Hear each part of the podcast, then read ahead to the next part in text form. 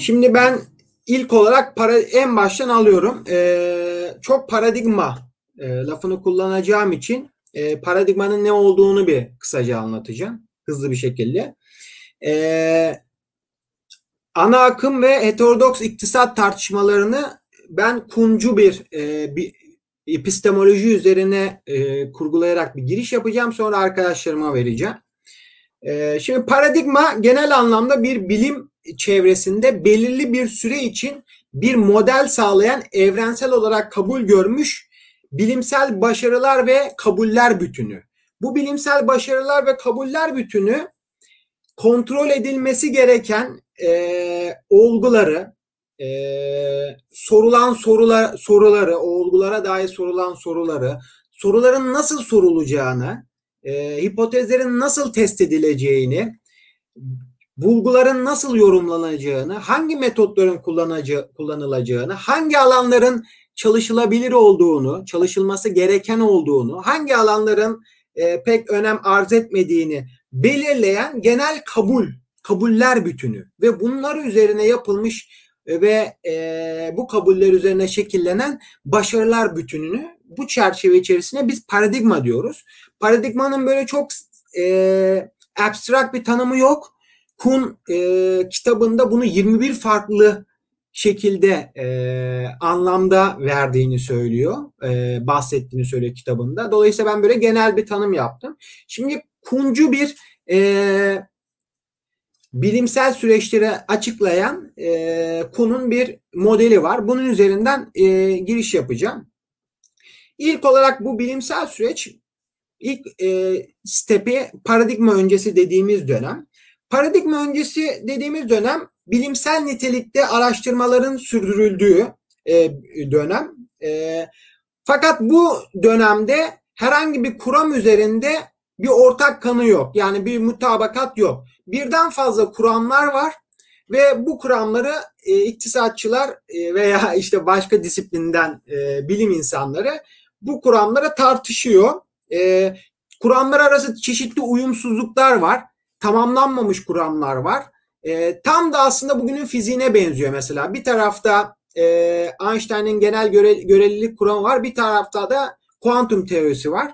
Bu, bu teoriler içerisi kendi işlerinde ta, ta, e, daha henüz tamamlanmamış ve birbirleriyle uyumsuzluk içeren teoriler mesela. Ben bu dönemi iktisatta 50 ile 70 arası döneme e, benzetiyorum.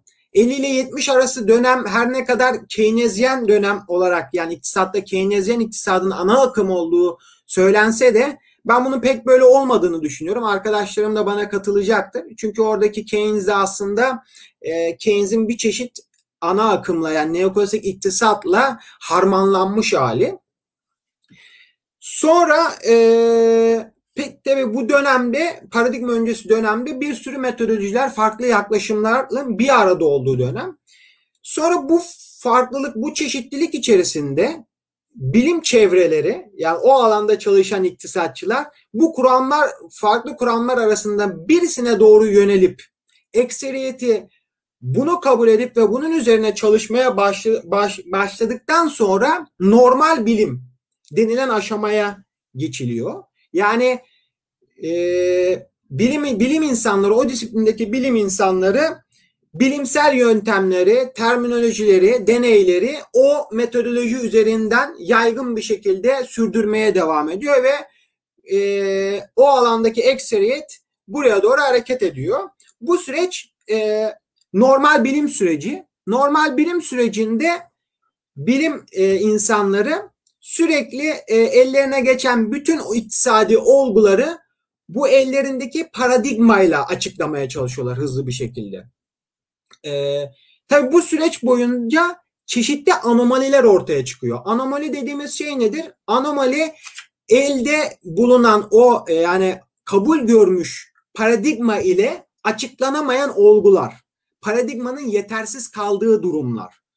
Bu anomaliler ortaya çıkmaya başlayınca e, normal bilim artık tartışılabilir bir noktaya doğru evrilmeye başlıyor.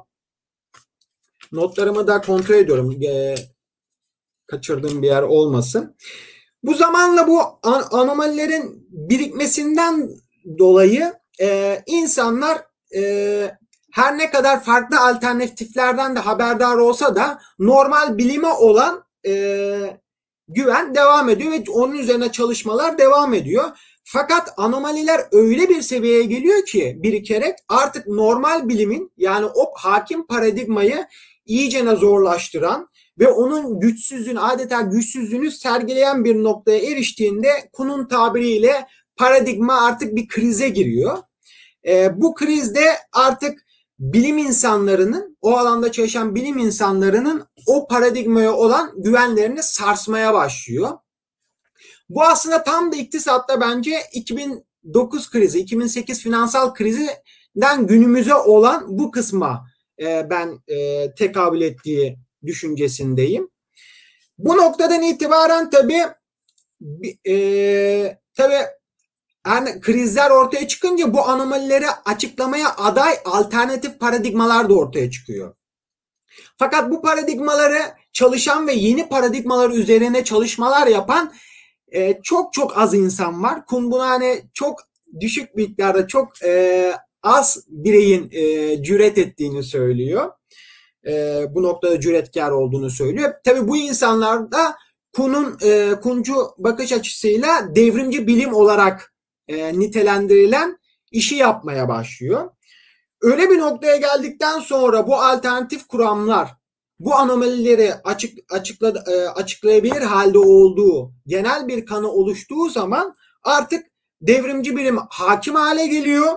E, yeni aşama hakim hale geliyor ve eski paradigma olan güven tamamen sarsılıyor ve temel varsayımları gözden geçirilmeye başlanıyor ve zamanla yeni paradigmaya doğru bir kayış ortaya çıkıyor. Ee, böyle bir cycle içerisinde e, bilimsel süreçlerin ilerlediğini, dönüştüğünü, sürekli bir döngü halinde olduğunu söylüyor e, Thomas Kuhn. Ben de aslında ana akım iktisat denilen şeyin işte bu bugün e, anomalilerin çok ciddi bir şekilde arttığı, e, herkes tarafından, ekseriyet tarafından çalışılan ama artık yavaş yavaş hipotezlerine, temel varsayımlarına olan temel varsayımlarının sorgulandığı ve o paradigmaya yani neoklasik paradigmaya güvenin yavaş yavaş sarsılmaya başladığı dönemin içerisinde yani paradigma kırılması e, kriz döneminin olduğu dönemde olduğumuzu düşünüyorum. Bu süreçte olduğumuzu düşünüyorum. Tabii bu e, anomalilere bahsedip e, en büyük dört tane anomaliye kendi payıma e, bir bahsetmek istiyorum. Ondan sonra Tansel hocama geçiş yapacağım. E, topu vereceğim. E, neoklasik iktisatta yani ana akım iktisatta dört büyük anomali var. Şu an yani üzerine düşünülen ama bir, bir türlü böyle anlamlı e, yani kabul edilebilir bir cevap veremedi. Bunlardan ilki krizler. Krizler bir, hiçbir şekilde açıklanamıyor ve dışsal olarak zaten varsayılıyor birçok modelde. Diğeri işsizlik mevzusu. İşsizlik aslında bütün neoklasik teorilere göre, yani çoğu neoklasik teoriye göre aslında piyasanın e, kendi halinde bir şekilde e, full, full employment dediğimiz bir denge noktasına ulaşabileceği varsayımı üzerine dayanıyor. Ama böyle bir şeyin artık gerçekleşmediği, piyasada çok ciddi bir mass employment dediğimiz, ciddi bir e, mass unemployment dediğimiz bir işsizlik olduğu e, ve bunun aslında sisteme içsel olduğu artık e, neredeyse ortak kanı oluşmuş durumda bu noktada. Diğeri üçüncü noktada doğa noktası. Yani neoklasik iktisat doğa üzerine söylediği çok kısıtlı şeyler var. Ona da o, o tarafta uzman tabi Ali Alper Alemdar arkadaşım orada tabi daha detaylı şeyler söyleyecektir. Dördüncüsü de zaten benden beklediğiniz cevap para. Para maalesef neoklasik iktisatçıların bir türlü anlayamadığı bir şey. Sürekli zaten dışsal ve nötr olarak varsayılıyor ve yaptıkları birçok yorumda zaten e, yani fiat money system dediğimiz sisteme değil de daha önceki bir barter ekonomi tarzdaki ekonomilere dayanan varsayımlar ve e, tezler ortaya atılıyor. Yani bugün bile zaten işte yatırımlar yeterli seviyede değil çünkü yeterli düzeyde tasarrufumuz yok cümlesini çok net bir şekilde genel kitleden, genel ekonomi ekonomistlerden e, çok sık bir şekilde duyuyoruz. Bu da zaten paranın hala anlaşılamadığının e, günümüz modern para biçiminin hala anlaşılamadığının bir kanıtı olsa gerek. Benim diyeceklerim genel olarak böyle. E, şimdi e, bu konu hakkında neler düşünüyor? O e, nereden bakıyor? ana akım ve neoklasik yani ana akım ve heterodoks teoriler arasındaki uyuşmazlıklar o ve bu teorilerin metodolojik farklılıkları metodolojide e, metodolojilerinden ve teoriler arası farklılıktan e, bahsetmesi üzerine Tansel hocama e, yorumlarını bırakacağım. Tansel hocam sen ne düşünürsün acaba? Şimdi sesim geliyor herhalde, değil mi? Yani işin aslında bu tartışma böyle çok hani geniş bir tartışma. Yani böyle bütün e, veçelerini böyle bir saatte, yarım saatte falan ortaya falan dökemeyiz belki ama hani e, tartışmayı başlatan bir takım önden tartışmalar olmuştu tabii hatırlarsanız yani onları hep takip ettik falan e, Twitter üstünden şuradan buradan. Zaten çok literatürü takip edince de e, fark ediyoruz. Sen yani biraz konucu bir perspektiften gittin ama aslında şöyle bir şey de var yani hani heterodoks iktisat dediğimiz iktisat bugün ortaya çıkmış bir şey değil. Yani doğrudan ona tepki evet o, o tepki olarak ortaya çıktı biraz hani e, evet akademide belli bir yeri de var öyle veya böyle. Ama bunun aslında çok tarihsel kökenleri var. Mesela neoklasik iktisat dediğimiz iktisat aslında kendisini e, özellikle 1900 yani 20. yüzyılda daha çok kendisini yükseltmiş, var etmiş ve aslında egemenliğini de neredeyse 19 yani hemen hemen 1930'lara kadar artık egemenliğini kurmuş vaziyette. Özellikle mesela Fred Lee'nin e, e, e, History of Heterodox Economics kitabına baktığımız zaman o çok açıkça şeyde ders içeriklerinde ne kadar çoğaldığını, baskın hale geldiğini anlatıyor zaten. Hatta Keynesyen dönem diye ifade ettiğim dönemde bile ana akım iktisat kitaplarda son derece baskın. Keynes'in böyle kolunu bacağını kırarak aslında e, oraya yerleştiriyorlar kendisi. Ama tabii bunlar hani e, şunu söylemeye çalışıyorum. Heterodoks iktisat aslında klasik iktisattan, klasik iktisattaki birçok unsuru da içine alarak kendini sürdüren bir gelenekler topluluğu. Yani bana kalırsa. Şimdi tartışma geniş. Bunu tabii birkaç şeyde verebiliriz. Birkaç başlık altında belki hani vermek lazım. Mesela birinci olarak bu eğitime, işin pedagojisine. Yani nedir? İşte ana akım iktisadın aslında kurumsal basıncının, akademi üzerindeki kurumsal basıncının sonucu olarak işte akademik pozisyonlardaki yer etmedeki sıkıntılar, fonlama mekanizmalarındaki aşırı eşitsizlikler, yol açtığı aşırı eşitsizlikler ve ana akımın aslında ders içeriklerinin silibusları yani müfredatları işgali. Bu üçüne dair de aslında Fredli kitabında yazıyor. Anlatıyor bunları. Ee, peki e, yani şu. Birinci olarak bu müfredata dair. Yani kısaca başlıklardan bahsetmek gerekirse onlara tek tek sonra girerim ama İkincisi de mesela metodolojisine dair farklılıklardan bahsedilir. Hangi metodolojiyi kullanıyor? Heterodoks iktisat okulları daha çok. Ama bunları çok geniş şeyde veya işte neyse tamam cümlemi. Heterodoks iktisat hangi e, yöntemleri, metotları kullanıyor? E, ana akım iktisat hangi metotları kullanıyor? Buradan bakılabilir bilimsel olarak, pedagojik olana ek olarak ayrıca. Mesela üçüncü olarak bence bir, bir takım teorik ayrılıklar. İşte paraya dair varsayımlar, ödünç verilebilir fonlar teorisinin e, arka planında olması gibi bir takım varsayımlar ve denge varsayımlarının olmaması mesela. Nedir? Ana akım iktisatta bir denge varsayımı vardır. Dinamik genel dengede olsa denge varsayımı vardır. Ama mesela heterodokslara daha çok işte akım stok değişkenler arasındaki tutarlılık mesela. Stop flow consistency var daha çok. Şimdi bu dört başlık ben kabaca bu dört başlığı e, şey düşündüm aslında ama hepsine girmeyeceğim tabii. Buradan sadece e, ilk, ilk giriş olarak şöyle e, söylemek istiyorum. Yani şöyle şundan bahsetmek istiyorum asıl problem olarak. Biz neden ortaya çıkıyoruz böyle? Yani biz neden böyle biraz hani heterodoks iktisatçılar hem dünyada da böyledir biraz. Böyle biraz aykırı bir şey söylediğin zaman çok büyük tepki alırsın. Tamam mı? Çok büyük tepkiler alıyor. Rahatsızlığımız ne? Neden ortaya çıktı? Hani heterodoks iktisatçılara kelimenin tam anlamıyla hetero, ana akım iktisada saldırmak bir moda mı? Yani aslında mesela hayır aslında. Ana akım iktisada saldırmak bir moda değil. Moda olan tam tersi. Peki niye karşı çıkıyoruz? Bunun aslında şöyle bir kitap var. Aslında Fransa'da ortaya çıkmış olan 2000 aslında Fransa'daki bu heterodoks iktisat veya ana akım iktisada karşı çıkışın bir geleneği var. 2000'li yılların başında hepimiz biliyoruz. Post e, şey e, post otistik iktisat adıyla öğrenciler bir bildiri yayınlamıştı. Fakat daha sonra bu 2010'lu yıllara geldiğimizde hocaları da çok etkileyen bir hareket haline geldi ve bir manifesto yayınladılar. Bu manifesto da Türkçe'ye çevrildi. Hepsi aynı şeyi söyleyecekse bu kadar çok iktisatçıya ne gerek var diye. Orada e, ikinci bölümünde aslında temel rahatsızlığı çok iyi anlatıyorlar. Ben kısaca bir okuyayım orayı çok kısa. Bir durum saptaması yapıyor yani. Durumu saptıyor. Bir öncelikle önümüzdeki ana akım iktisat problemini bir ortaya koymamız lazım değil mi? Diyor ki öncelikle durum saptaması yapmakta yarar var. Fransa'da üniversite eğitiminde iki çeşit e, öğretim üyesi görev alır. Doçentler ve profesörler. Yani Fransa sistemine dair giriyor. Bir, bir giriş yapıyor burada. Sonra diyor ki profesörler için konu bunaltıcıdır. Ana akım dışında kalan iktisatçılara verilen kadrolar son senelerde görünür ölçüde azalmıştır. 2000 ile 2011 yılları arasında işe alınan 200, 209 profesörün sadece %10,5'unu oluşturan 22'si heterodoks iktisatçıdır. Bu eğilimin son 10 yıl boyunca arttığını görmek oldukça endişe verici. Heterodoks iktisatçılar 2000-2004 yılları arasında işe alımların %18'ini oluşturuyorsa da 2005-2011 yılları arasında yani ondan sonraki aşağı yukarı 6-7 yıllık dönemde bu oranın %5'e düştüğünü görüyoruz. Dolayısıyla bu 6 yıllık süre zarfında işe alınan 120 profesör arasından yalnızca 6'sının heterodoks iktisatçı olduğunu ve bunların da hepsinin farklı akımlardan olduğunu söyleyebiliriz. Bir de heterodoks iktisatçılar arasında tabii çeşitlilikler var. Yani evet. biraz pahalı bir model, model şey, moda tansel yani onu demek istiyorsun değil mi? Yani? Moda tam tersi. Onu anlatmaya Aslında pahalı bir moda yani. Tabii tabii. Heterodoks iktisatçıları ezmek aslında çok moda yani. Onu söylemeye çalışıyorum.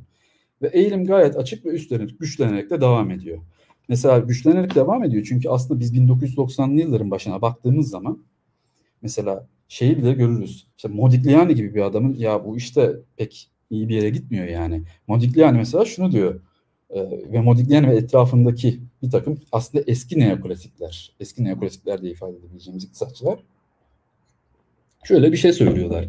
Ya biz çok fazla içimize kapandık. Hani biraz hoş bu ifadeyi de kullanıyorlar hatta. Hoşgörülü, acı hoşgörülü olalım yani. Çünkü bu aslında ana iktisadı da krize sokan bir şey.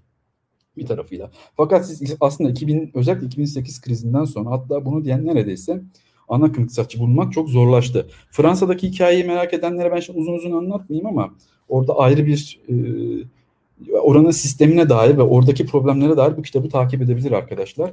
Biz bunları muhtemelen yayının sonunda zaten herhalde aşağıya link olarak veya kaynakçı olarak veririz. Şimdi, şimdi problem böyle bir problem. Dolayısıyla heterodoks iktisatçılar hakikaten biraz böyle şey yapabiliyorlar. Yani nasıl söyleyeyim? Biraz hakikaten huysuzlaşabilirler. Önünüzde 100 kişi olduğunu düşünün ve siz bir kişisiniz. Buna karşı mücadele etmek tabii ki çok zor. Yani özellikle ders içeriklerinde falan. Mesela ders içeriklerine bakın bugün. Sürekli ana akım iktisadın türevleri, mikroyu, makroyu görürsünüz. Uluslararası iktisat Heckscher-Ohlin teorisinden ibarettir neredeyse. Diğer iktisat okulları iktisadi düşünce tarihinin içinde tarihe ait e, eski e, yapılar içindedir. Yani o bir tarihsel bir şeydir. Onu iktisadi düşünce tarihinde öğrenirsin ama gerçek iktisat, bilimsel iktisat burada öğretilir. E, gibi bir tavır var aslında bu şeylere baktığımızda. Yani şey gibi Fukuyama'nın End of the History'si gibi şeyde öyledir. Yani çünkü iktisada giriş dersi verilir. Daha sonra dediğin çok doğru. Üçüncü ya da dördüncü sınıfta işte iktisat tarihi bunlar vardı zamanda ve artık yoklar. Hani tek ve hani tek iktisat bu var, bilimsel iktisat bu var. Diğerleri işte zaten politikti.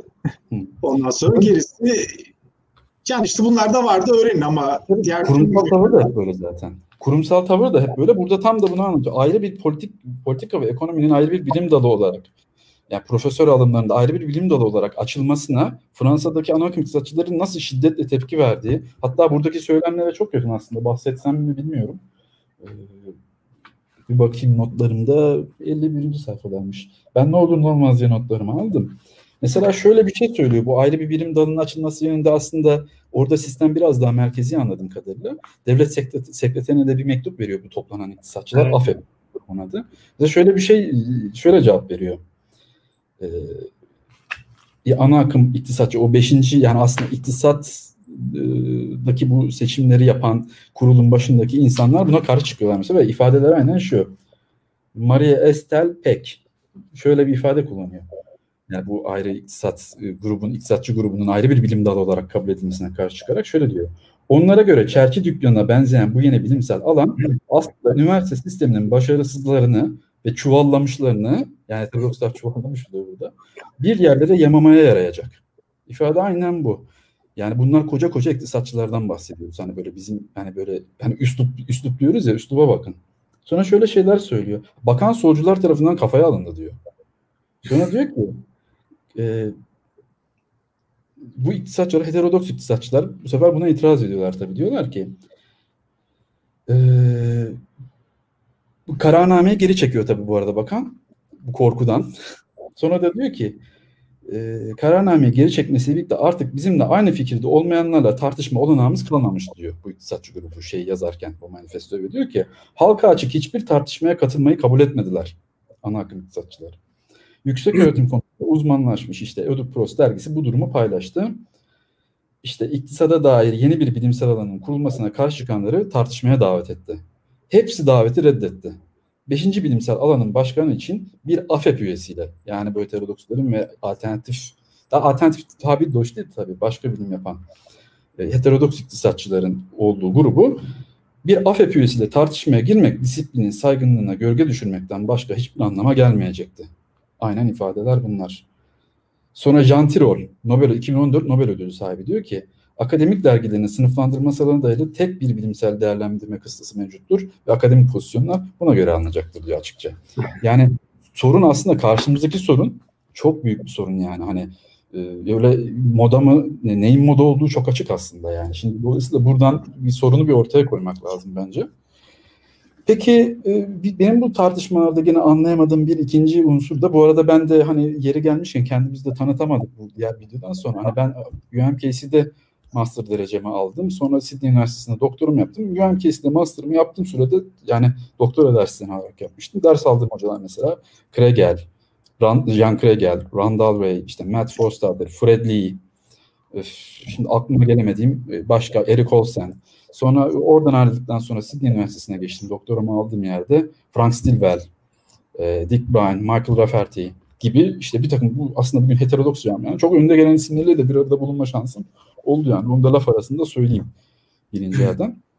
Şimdi e, tamam bir böyle bir durumu var. Dolayısıyla iktisatça çoğulculuğu savunan gruplar aslında çoğunlukla heterodoks iktisatçılar. Çok yaygın bir grup.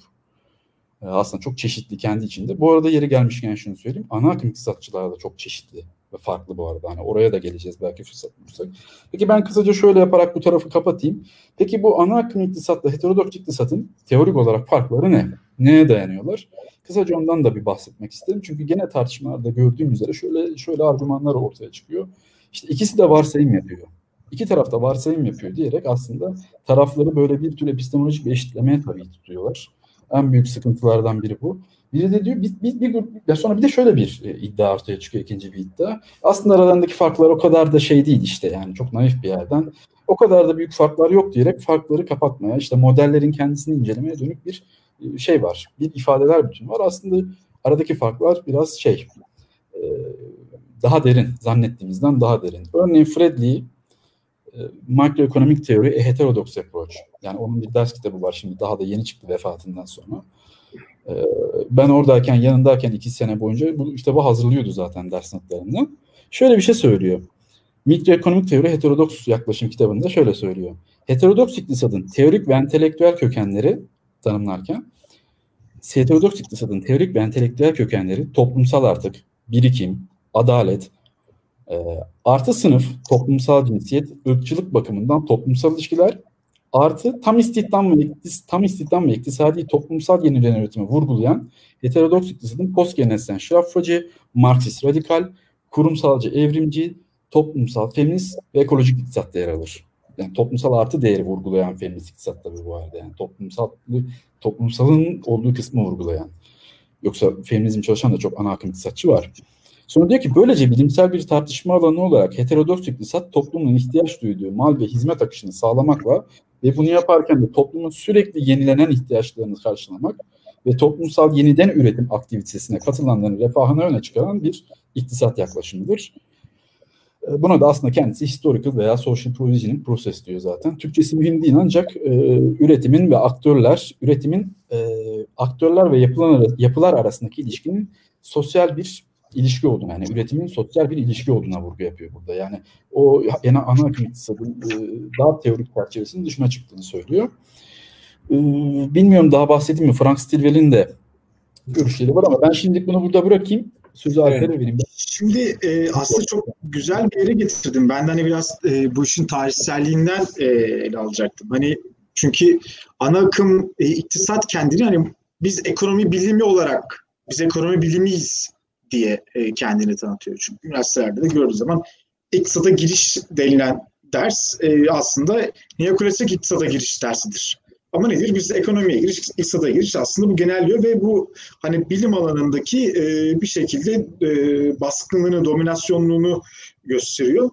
Tabii e, şimdi tarihsel olarak baktığımızda e, neoklasik iktisatın ortaya çıkışı aslında marjinalist dev, devrimle e, esas çıkıyor o piyasa. Yani Walras'larla, Alfred Marshall'larla, Pareto'larla e, ki döneme denk geliyor. E, bu da e, politik ekonomiyi politik kısmından e, arındırıp e, bu işte 17. yüzyılın e, bilimine çevirme e, niyetinden kaynaklı. Yani işte nasıl e, biz e, Francis Bacon'ı e, modern bilimin babası kabul ediyorsak da işte gerçi Adam Smith e, dönüyorlar hani iktisatta ama Adam Smith'le e, marjinalistler arasında ciddi bir epistemoloji kopuş var. Yani aynı, aynı yerden devam etmiyorlar. Hatta birçok e, neoklasik e, iktisat derslerinde Adam Smith'ten bahsedilirken aslında Adam Smith'in de çok iyi okumadığını görüyoruz. Biz heterodokslar e, bilmiyorum en azından benim olduğum yerde UMKC'de biz e, Adam Smith'i çok detaylı e, okuyoruz ve bizim çıkardığımız dersler Adam Smith'ten e, muhtemelen neoklasik, neoklasik iktisatçılardan çok daha farklı oluyor. Her neyse önemli olan burada bir bilimi e, işte test edilebilir. E, yani bir laboratuvar ortamında ekonomi, politik iktisat bilimini laboratuvar ortamında test edilebilir. Sonuçlarını ona göre yorumlanabilir bir bilime çevirme e, şeyi var, amacı var. E, tabii bu Dolayısıyla 17. yüzyılın e, biliminin e, tüm hatalarını da beraber getiriyor. Bir e, birinci olarak bir e, Newtoncu bir e, matematik, Newton, Newtoncu bir matematik yaklaşım var. Bu halen de e, neoklasik iktisatçıların kullandığı bir şey. E, yani bir yaklaşım. Sonuçta hani onlar da kendi aralarında evet diyor bunu değiştirmemiz lazım. Bakın kuantum e, işte mekaniği çalışıyor artık dünyada ama tabii e, o da zor. E, fakat tabii sorun oraya gelene kadar sorun e, daha başka şeylerde. E, tabii bu Francis Bacon'ın biliminde yani 17.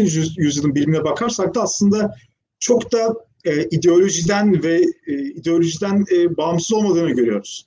Francis Bacon'ın e, yine yani daha doğrusu oradaki modern bilimin e, 17. yüzyılda başlayan modern bilime baktığımızda e, kadını, doğayı dışsallaştıran hatta ve hatta e, beyaz olmayan e, erkeği de dışsallaştıran bir bilimden e, bir, bir bilimi görüyoruz. Dolayısıyla bu diğer diğer şeyler enstrümantal haline geliyor bilim için. Bu aynısı e, yine işte kurulan marjinalistlerle beraber tırnak içerisindeki ekonomi biliminin içerisinde de geçerli. Niye? Çünkü aslında birçok şey dışsal e, ve bu dışsallık aslında e, bu işi tamamen sadece belli değişken değer değişkenler arasında ilişki, ilişkiye bakıp onların ölçülebilirliği üzerinden bir tartışmaya e, tar, tartışma e, tartışma koymayı planlıyor. E, tartışma e, tartışma koymayı amaçlıyor e, neoklasik iktisat. Dolayısıyla e, Adam Smith'le başlayan, Ricardo ile Malthus'la, e, Karl Marx'la e, devam eden politik iktisat geleneğinde nedir? Biz aslında bir işte bir sınıflar vardır e, işte üretici, e, üreten, kapitalist, proletaryen her neyse her neyse bunun içerisinde bir artı değer üretiminden ve bu artı değerin bölüşümünden nasıl üretildiğine dair çeşitli tezler. Dolayısıyla bir sınıf e, bir sınıf ve sınıflar arasındaki e, etkileşim vardır. Fakat marjinalistlerle beraber bir e, epistemolojik kopuş yaşanıyor. Bir anda bu politik kısım atılıyor. Ekonomi sadece e, yatay şekilde bireylerin çatışmasız ortamda hatta nasıl fiziksel sürtünmesiz ortam diyelim. Çünkü şey e, ana akım iktisatçılar bazen seviyor. Hani biz sürtünmesiz ortamla başlıyoruz ama daha sonra hani e, şeyleri geliştiriyoruz diye. Ama aslında çok da geliştirmiyorlar. Halen daha sürtünmesiz ortam. Çünkü toplum içerisinde e, e, iktisadi ajanlar arasında herhangi bir çatışma yok. Aslında bir uyum var. E, böyle bir sistem bu böyle bir e, anlayış, bir yine bir metodolojik yaklaşım. Dolayısıyla aslında bakarsanız firmanın e, işte firma var, hane bireyleri var e, ve bunların arasında tabii devlet de devlet de dışsal. Her şey dışsal, doğa dışsal, kadın kimliği dışsal, her türlü ayrı e, her türlü diğer kimlik dışsal ve bu şekilde e, çok iktisadi giriş e, kitaplarındaki diyagramları hatırlıyoruz işte böyle bir döngüsel bir circle yapıyor. E, tabii bu e, güzel, politik olarak da güzel. O zamanların e, 19. yüzyılda e, sonlarını düşünürsek politik e, tansiyonun çok yükseldiği e, Avrupa'da e, zamanlar. Dolayısıyla aslında e, ideolojik olarak da e, bu marjinalist devrimin e, veya şimdiki ana akım iktisatın aslında e, iyi zamanlaması olduğunu görüyoruz. Tabi bunlarda çok e, her şey sürprizde değil gibime geliyor. E, şimdi e, dediğim gibi e, burada bir e, yeni bir işte bir hegemonya oluşuyor. Tansel çok iyi bahsetti. Bununla beraber ve iktisat gerçekten bir laboratuvar bilimi haline getiriliyor bir yerden sonra. Yani ben geçenlerde işte bu şey deniliyordu. Bazı neopolis iktisatçılar şeyden vurguladı. Hani tems, temsili birey vardır ya representative agent. Hani biz, biz de dolayısıyla eleştiririz.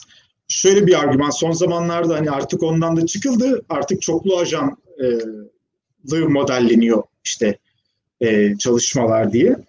Ben de hani onları karıştırıyordum geçen de. Gerçekten yani bu böyle e, bunu geliştirmişler mi yoksa e, aslında bir çeşit e, aynı şeyin copy paste yapıp aslında çok çok az e, ufak değişikliklerle mi bir çoklu ajan modelleri e, yapıyorlar diye.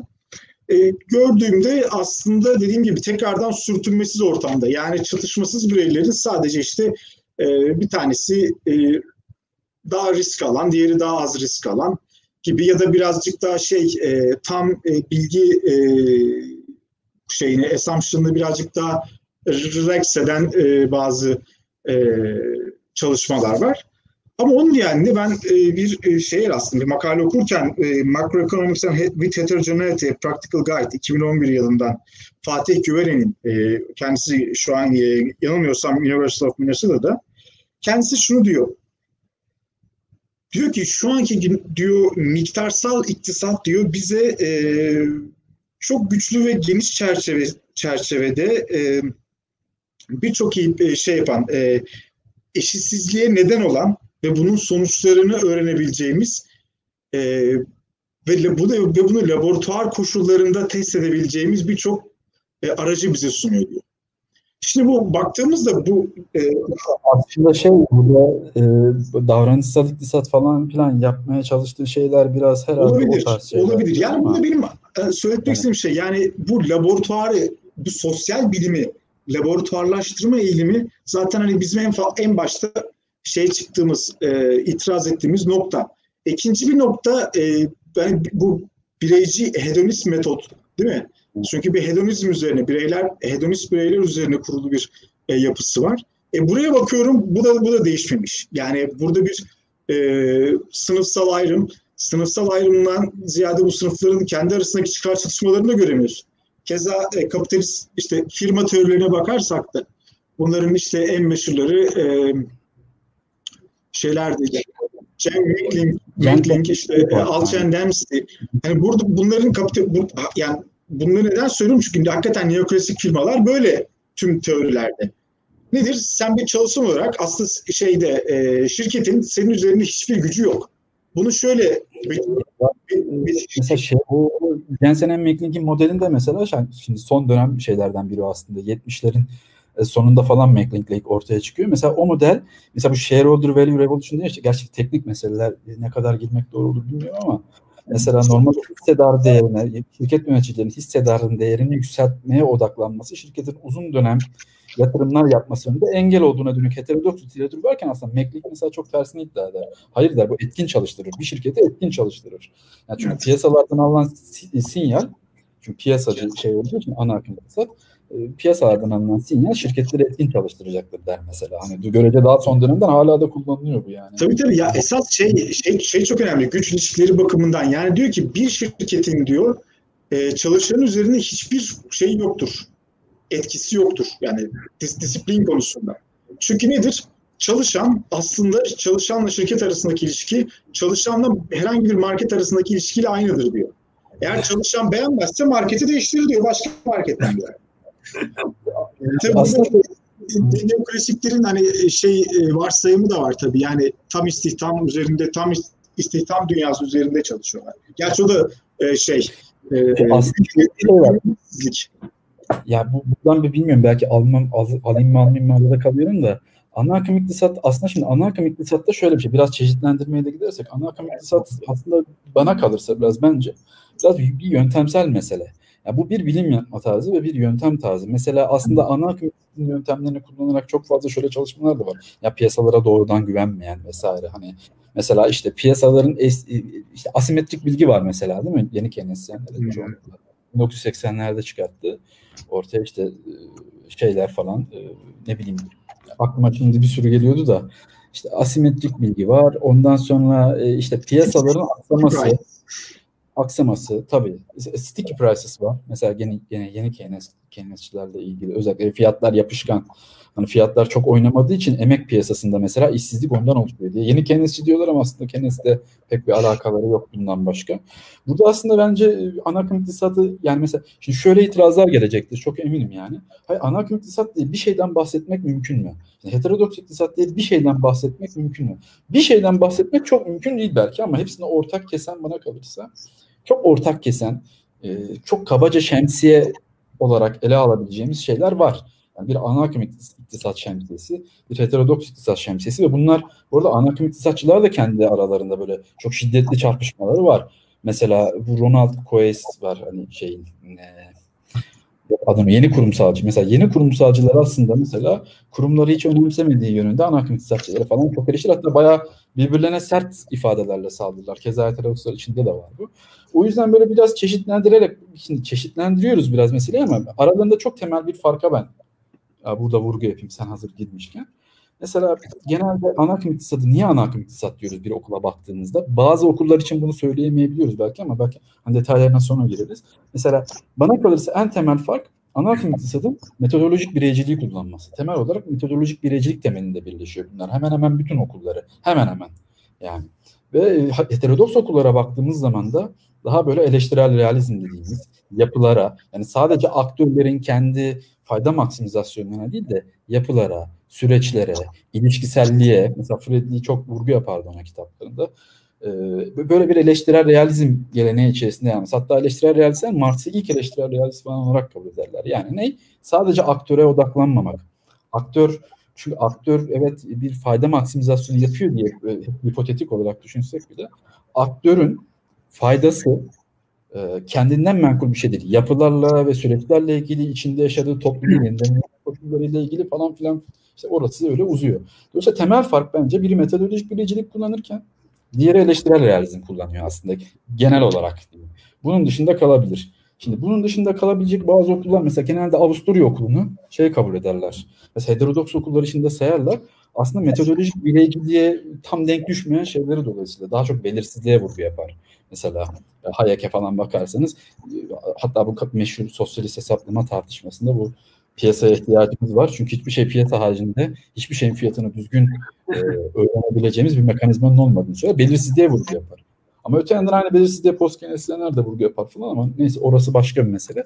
Ama Avusturya okuluna baktığım zaman arkada gene Loanable Funds'ın çalıştığını falan görürüz mesela. Loanable Funds. Yani ne o? Ödünç verilebilir fonlar teorisi. Burada ister istemez ona da gireceğiz herhalde. Ona da girmiş olduk bari. Oradan da Oktay zaten yani. ödünç verilebilir fonlar teorisi dediğimiz zaman ödünç verilebilir fonlar teorisi şöyle bir şey. Bunu aslında bu hakikaten bütün o karma karışık ana akım teorilerin hepsinin arkasında çalışan bir şey bu. Gene ortak evet. kesim. Meteorolojik bilecilik dedik. Şimdi ödünç verilebilir fonlar teorisi. Ödünç verilebilir fonlar teorisi ne diyor? Tasarruf arzıyla yatırım talebinin kesiştiği noktada faiz oranı oluşur ve siz bu piyasadaki faiz oranından ne kadar tasarruf ederseniz o tasarrufların hemen hemen hepsi de yatırıma otomatik olarak dönüşür. Söylediği şey bu. Yani bunu nereden anlıyoruz? Çünkü günümüz ana akım teorileri çünkü bu günümüz ana akımı ana akım iktisat yapan, bunu uygulayan insanların politik önerilerine baktığınız zaman da aynen bunu görürsünüz. Mesela son yıllardaki Yunanistan krizi, ondan sonraki krizler ne diyorlar? Ve Türkiye için de çok söylenir bu. Ülkede bir tasarruf açığı var. Yani, tasarruf açığı olduğu söyleniyor değil mi? Mesela niye? Çünkü e, tasarruf açığı ne demek? Eğer bir ülkenin tasarruf açığı varsa siz nasıl tasarruf edeceksiniz? Tasarrufunuz hane halkının e, gelirini düşüreceksiniz. Kapitalistin gelirini veya işte her neyse e, o işte yani onların gelirlerini artıracaksınız. Bir şekilde gelir daha az harcamanız lazım aslında. Daha az harcadıkça tasarruf edersiniz ve bu tasarrufların hemen hemen hepsinin otomatik olarak piyasa faiz oranından piyasada orası da karışık bu arada kısa dönem. Modeline göre değişiyor hocam. Modeline göre farklı. Oradan hepsi e, otomatik olarak yatırıma dönüşeceği var sayılıyor. Ki genelde arka çalışan bu. Ama mesela heterodoks iktisat geleneği buna nerede karşı çıkıyor? Mesela Keynes'in en bildiğim karşı çıkışı. İşte e, hayır diyor. Faiz oranları diyor yatırma tasarrufun kesişmesinden oluşmaz. Yatır, tasarruf sadece bir artıktır. Gelirinizin harcayamadığınız kısmıdır. Bu kadar. Evet. Faiz oranları e, likidite tercihi tarafından belirlenir. O ne? E, likidite tercihinde genelde para arz ve para talebini kesiştirerek anlıyorlar 13. bölümündeki gibi. Halbuki 17. bölümde başka bir şey söylüyor Keynes. Likidite tercih dediği zaman Keynes'in aklında aslında bir e, likit olan, sabit olandan likit olana bir varlıklar bütünü var onun kafasında. Yani dolayısıyla her varlığın bir likidite primi var. Değil mi? Likidite primi en yüksek olan, yani en likit olan varlık ne? Para. Böyle bir şey. Dolayısıyla ekonomide likiditeye olan talep yani likidite tercihi arttıkça o toplumda yatırım iştahının azaldığını görüyoruz falan filan. Dolayısıyla faizler dediğimiz şey aslında likidite tercihi tarafından belirlenmesi. Çok, çok temel kritik bir fark. Bu fark da aslında paranın ne olduğu ile ilişkili tartışmaya çok alakalı. Para e, bir ekonomide yansız. E, gerçi o para meselesine Oktay girebilir. Ben yoksa çok konuşmuş olurum. Bu temel farklardan biri mesela e, bunu söyleyebiliriz. Burada da kesin hocam çok dağılacak yoksa. Evet. Ya ben e, şimdi para teorisine girersek işin içinden çıkamayız. E, çok uzun değil. Ben de şunları söylemek istiyorum. Ee, Hocam ben aslında şeye girecektim bu arada. E, e, ana akım iktisattaki farklılaşmalara falan filan girecektim ama evet. şey, sonra girelim. Neyse sen bu konuştan. Evet. Aslında bence temel fark şeyden kaynaklanıyor. Ee, Burada belki çok kısaca Enver Şayk'ın bu e, konu üzerine söylediği şeyleri bahsedersem çok daha açıklayıcı olacak. Aslında Enver Şayk şöyle diyor. E, iktisadi düşünce tarihine baktığımız zaman aslında metodolojik olarak ikiye ayrıldığını söylüyor. Şimdi ortada aslında biz bir sistemin içerisinde yaşıyoruz. Bu kapitalizmin içinde yaşıyoruz. Aslında bence metodolojik farklılık da bu sistemi ne kadar sorun edindiğinizle alakalı. İktisadi düşünce tarihinde de bunu görüyoruz zaten. Smith, Ricardo, Marx ve onların devamı olarak 20. yüzyılda Keynes ve Kalecki'ye baktığımız zaman doğrudan doğruya bu kapitalist sistemin ve bunun dinamiklerinin bu iktisadi olguların açıklanmasıyla cebelleşiyor bu insanlar. Yani cebelleşmiş. Yani var olan olguları doğrudan göz, gözüken ve dönüşen, dönüşüm halinde olan bir e, dinamiği olan bu olguları anlama, kavrama çabasındalar. Fakat 19. yüzyılın sonuna doğru sonuna doğru geldiğimiz zaman işte Alper biraz bahsetti onda. İşte böyle bir yeni bir düşünce okulu ortaya çıkıyor. Bunlar da kapitalizmi anlamaya çalışıp yani kavramaya çalışmayı bir kenara bırakıp bir hayali bir kapitalizm, kapitalizm yaratıyorlar. Bir fiktif bir dünya yaratıyorlar. İşte e, nedir bu fiktif bir dünyada? Her şey aslında mükemmel. Yani bütün perfections dediğimiz şey o bütün yani mükemmelliyetler o perfect competition işte perfect knowledge bütün mükemmelliyetlerin sisteme içsel olduğu bir dünya e, yaratıyorlar ve bütün aslında realitede karşılaştığımız şeyler işsizlik gibi, büyük işsizlik gibi, işte krizler gibi bunların hepsi dışsal geçici şoklar. Yani aslında sistemin dair olan yani sisteme sorun edilebilecek şeyleri dışsal olarak alıyorlar. Çünkü sistemle bir şeyleri yok, bir sorunları yok. Var olan o hayali dünya üzerinden realiteyi açıklamaya çalışıyorlar. Aslında böyle bir metodolojik farklılık var. Ya bir tarafta e, dediğim gibi o bütün perfections'lar, bütün mükemmeliyetler sisteme iç, içselken bütün gerçekte olan yani içinde yaşadığımız o krizler, e, büyük işsizlik ve onun yarattığı yıkım daha dışsal ve geçici şeyler olarak algılıyorlar. Aslında temel sorun sistemi, yani kapitalist sistemi sorgulamadan kaynaklı. Yani baktığımız zaman mesela post Keynesyenlerde kısmen bunun olduğunu görüyoruz. Sisteme içsel olan bazı şeyleri görüyoruz yani sisteme e, işsizliğin mesela sisteme içsel olduğunu sistemde piyasanın kendisinin bu sorunu çözemeyeceğini söylüyorlar. Fakat yeni Keynesyenlerde pek öyle bir mesele yok. Yani onlar mesela sadece Keynes'den belirsizlik vurgusunu alıyorlar. Aslında temel farklılık bence burada ortaya çıkıyor. Mesela varsayımlarda bile onları gö- e, onları görebiliyoruz. Yani bir taraf daha çok bu yapışkan yapışkan fiyatlar aslında ana, ana sıkıntı Evet. aslında. Ya zaten var, varsayımlar da şöyle yani ana akım iktisatın yaptığı varsayımlar matematiksel varsayımlar. Yani aslında bir totoloji var. Ama şöyle şimdi burada da şöyle bir şey söylemek istiyorum. Yani ana akım iktisat aslında içerisindeki bu krizin son derece e, farkında gibi bazı noktalarda. Mesela o yüzden içerisinde bazı farklı okullar çıkmaya başlıyor. Mesela belli realitelere dokunmaya çalışıyorlar mesela. E, davranışsal iktisat falan biraz böyle şeyleri yapmaya çalışıyor aslında gördüğüm kadarıyla. E, Böyle belli belli şeylerde dokunmaya çalışıyorlar aslında ama işte dediğim gibi temel varsayımları çok değişmiyor. Aslında Frank Stilwell'in burada söylediği bir makalesi var. Hmm, Onu da buraya aslında not almıştım.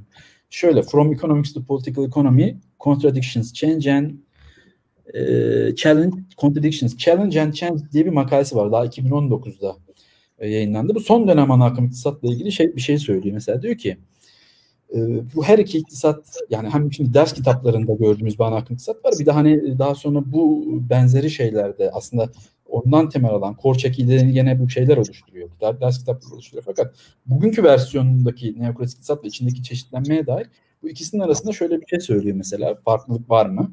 Gibisinden. Şöyle şöyle söylüyor. Devamlılığa ve değişime dair unsurlar bulmak mümkündür. Bu ikisinin arasında. Devamlılık diyor. Yani iki, bugünkü modern e, neoklasik ve türevle modern ana akım diyelim. Tam neoklasik demeyelim belki. Çünkü belki muhtemelen bir e, şeyde davranışçı kendisinden neoklasik denmesinden hoşlanmaz ama şöyle diyor. Devamlılık mikro iktisat ve makro iktisadın matematiksel formülasyonlarla ve uygulamalı ekonometrik modellerle desteklenen çekirdek teorilerine ilişkin olmaktadır. Bu çekirdek teoriler ilişkilidir diyor. Ki derslerde öğretilen bu. Sonra da diyor ki değişiklik yani farklılık ise yan araştırma yan araştırma e, yan araştırma alanlarındaki gelişmelerden gelmektedir. Örneğin davranışsal ve deneysel iktisat bu yanından yani ana akımın yanından filizleniyor bunlar. Yeni kurumcu iktisat, işte karmaşıklık iktisadı, oyun teorisi, coğrafi iktisat ve ortodoksiden filizlenen diğer yan akımlar. Yani bunlar farklı farklılığı aslında ana akımdan biraz farklılaşanları bunlar oluşturuyor diyor. Bu alanlar daha gelişmiş düzeylerde çalışılabilir. Yani yani daha gelişmiş yani yüksek lisans, doktora seviyesinde genelde çalışılıyor. Ve lisansüstü uzmanlaşabilir, uzmanlaşma için seçilebilir haldedir. Ana akım iktisatçılar da buna dayanarak şöyle bir şey söylüyor tabii ki. Ben Stilwell'den okuyorum bunu şimdi. Zaman zaman bu modifikasyonları, bu farklılıkları, ekleri disipliner bir dinamizmin, özgünlüğün ve çeşitliliğin kanıtı olarak resmetmek, resmetmektedirler. Şimdi Diane Coyle, yani Diane Coyle bunu kabul edenlerden biri. Yani bunu kitabında yazıyor. Diyor ki bunu soulful economics. Türkçesine nasıl çevrilir bilemiyorum. Ee, çeviremedim bu. Yani hiç o anlamı vermedi daha doğrusu. Soulful economics olarak adlandırırken David Collender 2009 yılında yazdığı kitapta şey diyor. Bunu ana akım iktisat içerisindeki içsel heterodoksinin dışarıdan gelecek herhangi bir eleştiri, eleştiriyi lüzumsuz kılması ve hatta zarar vermesi olarak görmektedir diyor. Yani öyle tartışmakta. Yani bizim içsel heterodoksimiz bize yeter. Evet. Dışarıdan ayrıca eleştiriye gerek yok. Biz zaten yeteri kadar dinamik ve üretiyoruz. İçsel bir heterodoksisi vardır ana akım iktisadın diyor. Stilwell tabii buna cevap veriyor. Böyle midir? Ee, diyor ki gerçekten de mesela ana akım teorileştirmedeki bu içsel ya burada çevirileri böyle biraz çala kalem yaptım. Ondan sıkıntı olabilir. Gerçekten de mesela ana akım teorileştirmedeki bu içsel çeşitlilik dışarıdan gelecek bir eleştiriyi değersiz kırar mı, onu çürütür mü diye soruyor. Bunun böyle olmadığını söylemek için en az üç sebebimiz var. Birincisi diyor, ekonomik analizdeki analizlerdeki yer yer çeşitliliğe rağmen bu ana akımdaki ana akımın yöntemsel bireyciliği ve onun piyasa güçleri aracılığıyla gerçekleşen sistemik istikrara dönük varsayımları her yer sinmiş olarak varlığını sürdürmektedir diyor. Yani işte benim bahsettiğim nokta abi yani. Böyle. Aslında piyasayı eleştiren akımcılar da böyle yani. Çünkü e, her zaman piyasaların dengeye geleceğine dönük bir denge varsayımıyla çalışıyorlar. Evet, evet. Uzun dönemde veya şeyde. Dolayısıyla bu metodolojik bireycilik ve bu aynı kalıyor. İki, diyor ki ana müfredatın etkili bir biçimde neyin? Ya şimdi bazıları şöyle itirazlar ya arkadaş hani, bu ana akım müfredat Ya bunlar kitaplarda kaldı zaten. Ya artık ana kimse de orada kimse öğretmiyor falan diyorlar ya. Bunun böyle bir bunun da şöyle bir işlevi var diyor Fransız yani. Ana müfredatın etkili bir biçimde neyin yani hangi meselelerin önemli olduğunu tanımladığı bir disiplin için yani ana akım için çünkü neyin önemli olduğunu tanımlıyorsunuz oradan baştan mantığı öyle veriyorsunuz. Neoklasik iktisadın devam eden hakimiyeti içsel heterodoksinin temel bir değişim ve dönüşümden geçmediği anlamına gelmektedir diyor. Geçse biz onu orada zaten göreceğiz. Üçüncüsü de bundan dolayı bir içsel heterodoksi tezi doğru değil diyor. Diyor ki eğer bir disiplin nihayetinde dışarıya dönük etkileriyle değerlendirilmiyorsa, yani bunun bir sonuçları var, polisi, politik sonuçları falan var. Bu hala işlerin modern kapitalist ideoloji, ideoloji içerisinde siperini kazan iktisadi ortodoksi için aynı tamaz, aynı tas, aynı hamam olduğunu göstermektedir. Yani hiçbir şey değişmedi aslında. Hatta bu içsel heterodoksi iddiasının sahibi olan Diana Coyle dahi küresel finansal krizin iktisadi akademik ortodoksinin nasıl inşa edildiği ve yeniden üretildiği üzerinde çok küçük sayılabilecek etkilerde bulunduğunu söylemiştir. Bunu iddia eden kadın da. Yani iktisadi ortodoksi 2008 krizinden sonra çok değişmedi diyor. Şimdi Frank Stevens'in söylediği şey bu. Yani metodolojik şey değişmemiş. Tekrar etmek gerekirse e, tabii sorun olarak tanımladığı alanlar değişmemiş. Aynı kalmış. Mesela bir bu konuyla ilgili bir diğer benim gördüğüm tezlerden biri de şu. Artık heterodoks aslında biraz bir hocamız Fredli'yi de kullanarak bunu iddia etti ama bu bence çok da doğru değil. Yani mesela şöyle bir şey söylemişti. Bazı alanlar artık farklılaşmıyor. Yani yok heterodoksiyle anarki iktisadın yok olmaya başladı. Farklılıkların yok olmaya başladığı alanlar olduğunu söylemişti. Kısmi bir haklılık payı olabilir belki. Çünkü mesela burada deneysel iktisat davranışsal iktisada baktığımız zaman mesela evet e, bireyin tam rasyonel hareket etmediği, kısıtlı rasyonel hareketli ve bunun çeşitli versiyonları hareket eder.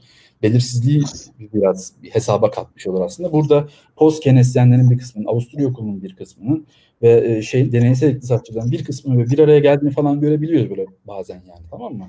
Ya birbirleriyle dirsek temaslara faydalanmakta da bir sakınca yok bende bu arada hani hani ben burada yöntemsel olarak belli bir reddiye gerçekleştiriyorum ama şunu da demiyorum yani ya hepsi bilmem ne falan öyle bir şey söylemiyorum aslında tam olarak ama burada bir yöntemsel temel fark var. Yani bu, bu, bu tarz alanların olması ikisinin arasındaki iki farklı gelenek arasındaki farklılığın kapandığını göstermiyor aslında. Evet. Evet. Tabii zaman ben şimdi bir metodolojik bilecik veya critical realizm diye eleştirel realizm diye bir ayrıma gittim ama bunların dışında kalacak benim bilmediğim de olabilir kalabilecek alanlar olabilir ama zaten geneli açıklamak, geneli resmetmek benim asıl problemim. Yani eğer bir gün gözlemlerim bu geneli açıklamamı e, mümkün kılmıyorsa bu şekilde ben de resmimi değiştiririm bir, bir, bir sosyal güncü olarak. Bundan da hiç gocunmam ama gördüğüm şey bu aslında yani. Yani bu şey fotoğraflarındaki çeşitlilik iddiası aslında temel şeyleri değiştirmiyor yani. Ben yani bu arada teknik şeylerden mesela Jensen Emeklik benim en, en iyi bildiğim alanlardan biri. Mesela ben modern finans teorini, Black-Scholes modelini kendi çalışmam için çalışmak zorunda kaldım zaten. Ve uzun çünkü bir varlık nasıl fiyatlanır benim asıl meselelerimden biriydi. Yani teorileri çalışmıyor da değiliz yani hani. yani biliyoruz aslında yani. O kadar da yani orada bir yetkinliğim var yani. Hepsini bilmiyorum tabii ki ama yani çalıştığım kadarıyla e, belli şey zaten hepsini bilmeniz bir şey metodolojik olarak eleştirmek hepsini bilmeyi de gerektirmez. Bununla ilgili bir evet. hocamın çok önemli bir lafı var mesela. Oturduğumuzda bana bir şey söylemişti. UM kesildi de olabilir hatırlamıyorum. Ya demişti bir metni aslında derdini anlamak için şöyle alıp hepsini okumaya gerek yok. Azıcık epistemoloji, ontoloji bunlardan haberin varsa bir metnin ilk sayfasını okuduğunda kullandığı dilden, kavramlardan onun nasıl bir zihninde nasıl bir dünya kurguladığını anlaman çok mümkün demişti mesela. Şimdi anarkim iktisadın da hepsini böyle aman aman bilmeme gerek yok. Ama mesela varlık fiyatlama modellerini çalışmış biri olarak söylüyorum bunu yani özellikle.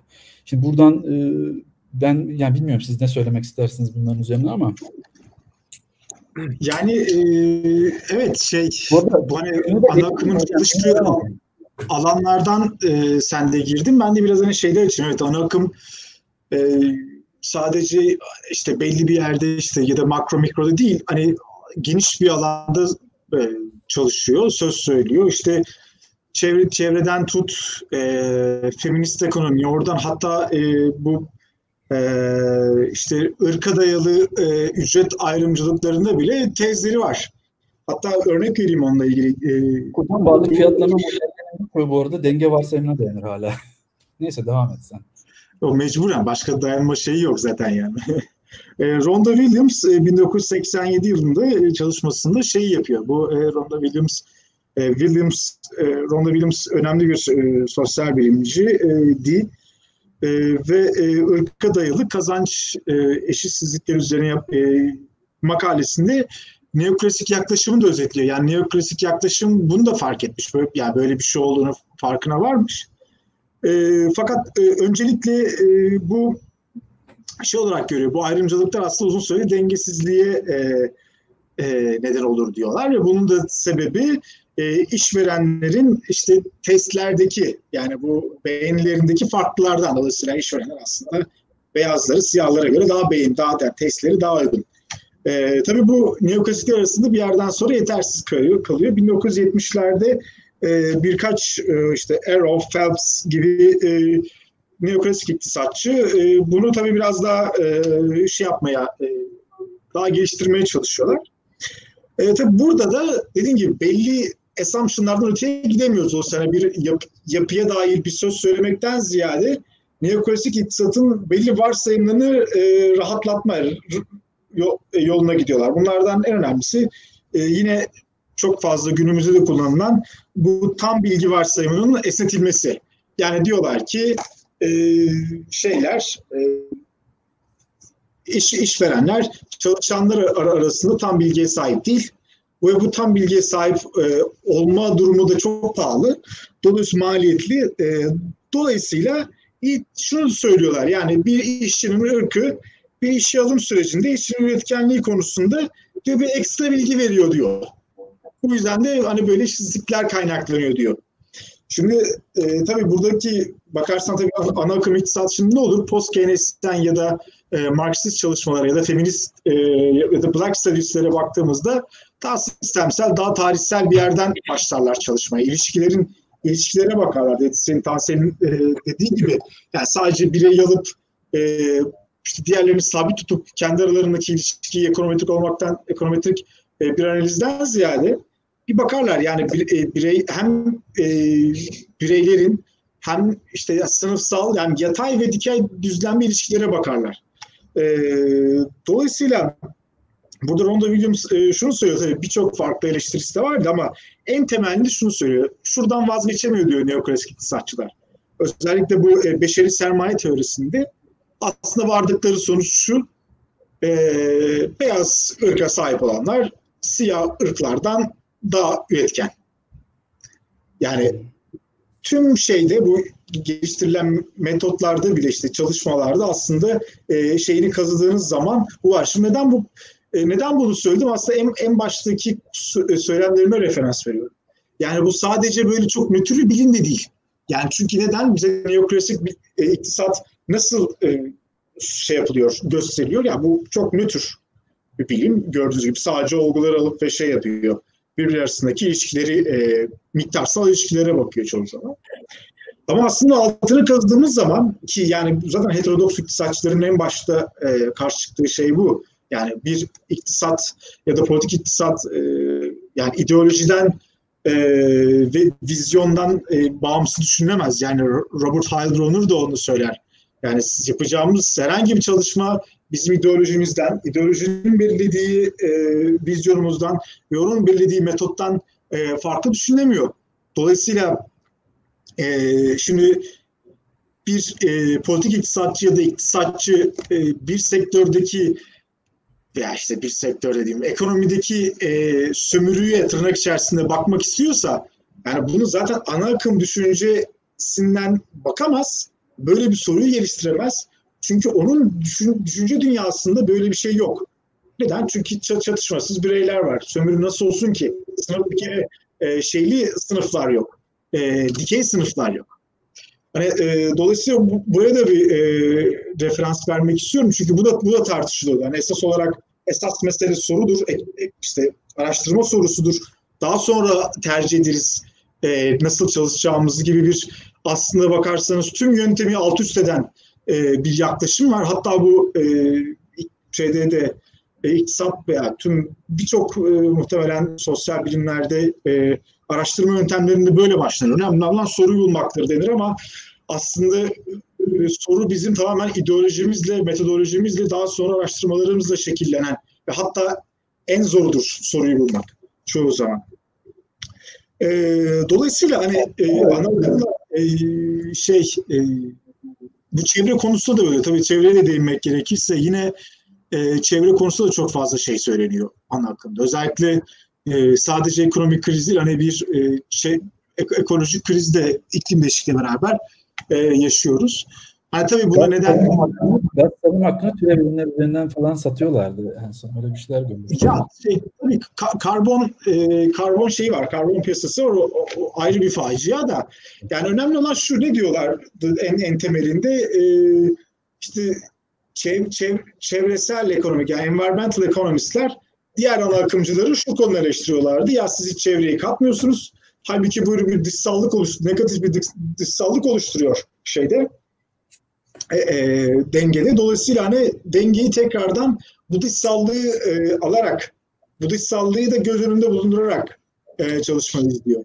Yani yanlış anlaşılmasın. Burada doğa e, de, doğa içselleşmiyor modelde. Yine dışsal ama bir şekilde bunu da göz e, göz önünde bulundurmalıyız. Zaten piyasanın çalışmamasının piyasanın çalışmadığını söyleyen tezlerden önemli bir tanesi de dışsallıklar tezi. Yani piyasa çalışmıyor çünkü dışsallıklar var. Yani, yani Çalışma, çalışmamasına sebep ortadan kaldırılması gereken bir anlamda neoklasik iktisadın ana kimsinin bazı türevleri mesela bu anlamda devleti görevde çağırıyor hiçbir şekilde. Bu dışsallıkları bir şekilde halledelim falan filan.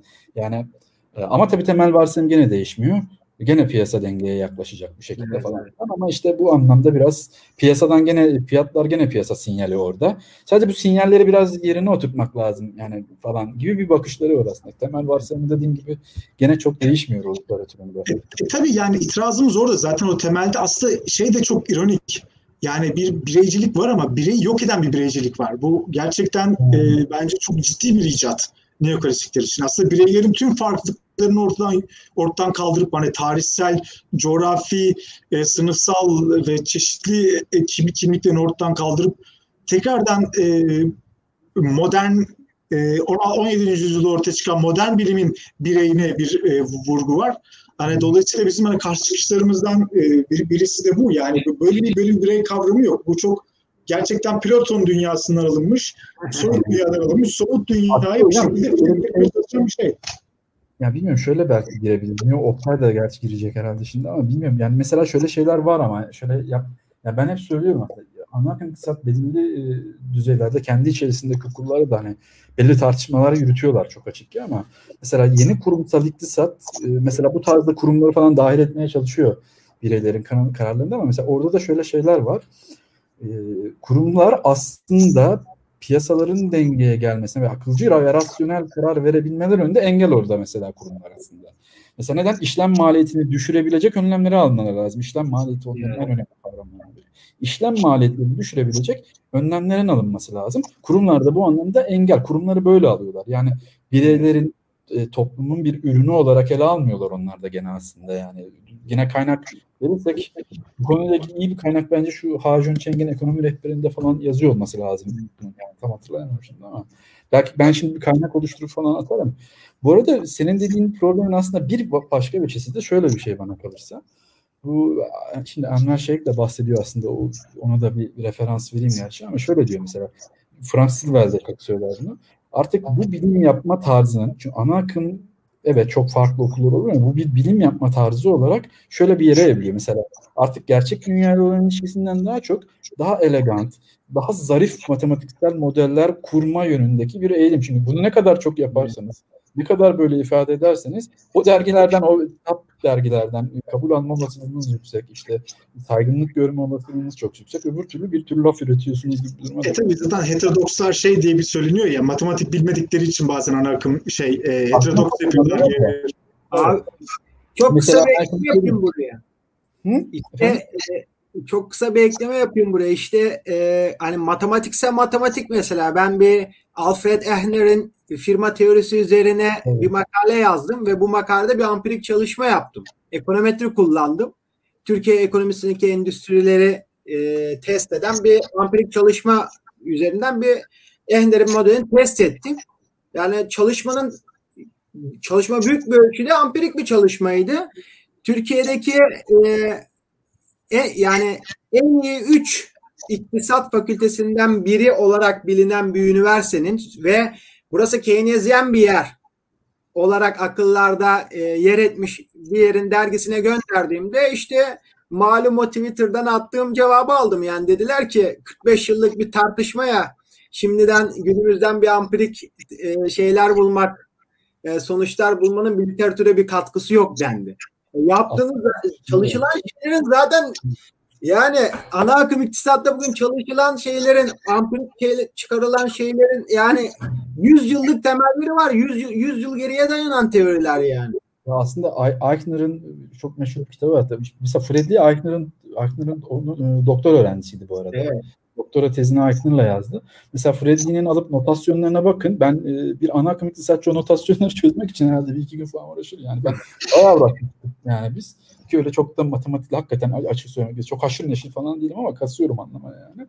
Mesela bir akım iktisatçı epey zorlanabilir o notasyonları anlamakta ilk başta. Yani onun diline alışmakta falan. Yani bu, orada da e, bu anlamda modeller kuruluyor zaten yani. Ama şöyle bir tabii modeller yani akım heterodoks iktisat aslında biraz eklektik olmaktan çok korkmuyor genel olarak okullara evet. bakarsak. Çünkü modellerin içsel tutarlığı, eleganlığı çok önemli değil yani şeyde. Ee, ee, isterseniz e, bir saat 10 dakika oldu. Şöyle tek bir tur daha yapalım. 3-5 dakikada eksik kaldığımız yani söyleyecek, söyleyecek birkaç bir şeyimiz daha varsa onu ya şey, şeyi şey yapsak biraz yani bu e, tamam bu metodolojik ayrıklık üzerine bence e, iyi gittik ama yani bu kuramsal e, kurumsal baskı e, üzerinde yine bence kurum, kurumsal baskı ve yani bu neoklasik hegemonya ile bitirelim mevzuyu. Çünkü yani e, bu biz videoyu neden yapma gerekliyorduk? Bir Twitter'dan bir tartışma vardı ve e, bu tartışmanın sonunda alevlendi ve işte çeşitli şekilde eleştirildik. E, işte bizim hani şey sorgulandı gayet rahat ya sizin yeterliliğiniz var mı acaba neoklasik bu kadar eleştirme, eleştirme gibisinden. E, aslında bu e, çok kurumsal baskının çok somut bir şekilde hani şeyi e, or, ortaya çık, çıkışını görüyoruz. Dolayısıyla hani e, neden e, bu, bu moda değil e, ve halbuki neden bizim özellikle genç e, işte heterodoks ya da radikal politik iktisatçıların aldığı bir risk e, bunu söylemek lazım. E, çünkü ben bir benzetme yapmıştım yine Twitter'dan. E, onun üzerine çok e, şey oldu böyle e, tepki de görüyorum bir alınganlıklar oldu ama aslında ben olabildiğince yumuşak bir ifadeyle söyledim bunu. Hani biz programdan önce Tansel'le biraz konuştuk. Hani e, Enver Şeyh'in e, veya diğer e, hani heterodoks ve radikal e, akademideki büyük isimlerin e, söylediklerini söylesek herhalde. Yani bizim dediklerimizle çok e, yani gerçekten çok hafif kalıyor bizim Hocam, Fredli A History of Economics kitabının girişinde bunu bir kiliseye benzetiyor yani. E, yani işte ben de e, ben de onu onu benzettim. Yani aslında e, metafor çok çok basit. Neden ana akım iktisatçıları hani e, işte orta çağdaki e, kiliseye tabi e, işte düz dünya inanan bilim insanlarına benzettim. Şimdi burada tabii işte şey yağlı bizi yani yobazlara benzettiğiniz falan filan. Halbuki o zaman yobaz değiller. O zaman aslında bilimsel bilimsel otoriteleri bunlar evet, bu insanlar. Evet ve neyin ne olduğuna bunlar karar veriyor. Ve kilise dediğimizde aslında çok basit metafor. Çünkü gerçekte olmayan kilisenin o zamanki e, bilim kuramı çok gerçekçi olmayan. Dolayısıyla görüyoruz değil mi artık düz dünya denilen bir şey yok ya da onların söyledikleri şey artık tamamen yanlışlandı. Onların o dünyasını tamamen bir metafizik dünyayı aslında real dünyaya enjekte edip bir şekilde bir sığdırma çabasının aslında temsilcileriydi o zaman bilim insanları ve hepsi çok saygılıydı. Tabii o zaman da bu zaman arasında farkı ne? O zaman heterodokslar muhtemelen yakılıyordu. Biz hiç olmazsa yakılmıyoruz. Hani en e, yumuşak tabiriyle biz e, işsiz kalıyoruz ya da işsizlikle ya da işte şey deliyor bunlar. Yani lak lakçı bunlar işte zaten ya da mod mod oldu gibi şeyler söylüyor. Ama Tansel çok net, net veriler verdi. Yani iş alım iş alım süreçlerinde e, nelerin ne olduğunu işte heterodoks iktisatçıların e, yani ana akımcılara karşı ne kadar az bir şekilde e, işe alındığını. Hadi şey geçtim yani e, biz yani yeni e, yeni yeni işte genç e, heterodoks iktisatçılarız ve iş arayacağız yakın zamanda ve muhtemelen bunların zorluklarını yaşayacağız. Bir de üstüne bu e, kriz geldi. Fakat hani e, şeyde bile mesela Harvard'da e, Larry Summers e, başkanken Harvard'da e, Cornel West'i belki bilirsiniz. Şu sıralarda da e, yani evet. televizyonlarda şey oldu. Gerçekten e, CIA'lerin e, şeylerinde, çalışmalarında, Black Studies'te ve politik ekonomide çok değerli bir e, bilim insanı. E, Summers başkan başkanken e, şey yapıyor. Özellikle o Black Studies kısmına bayağı takılıyor e, Harvard'da. Ve e, sanırım bir pozisyon e, şeyde Cornel West'in galiba tenure pozisyonu olacaktı. Bunu bir şekilde engelliyor. Ha, çatışma oluyor. Şimdi Öyle çok hikaye var hocam. Böyle çok firfirediğine başına gelmiş. Yani birazını, bir, birazını somutlaştırmak istiyorum. Çünkü yani işte şimdi Larry Summers'a bakarız şeyde. Twitter'da aman büyük iktisatçı işte bilmem ne e, dünya işte Dünya e, Bankası'nda baş ekonomisti. E, Obama'nın yan, yansıtılamıyorsam şeyiydi. E, danışmanıydı. Ondan sonra böyle, bir insan. E, daha büyük skandal 1991 yılında bir kaydı düşüyor. E, kendisinin e, şeyle beraber e, Land Pritchett'le beraber bu gelişmemiş e, ülkelere neden işte kir, kirli sanayileri neden oraya aktarmalıyız diyor.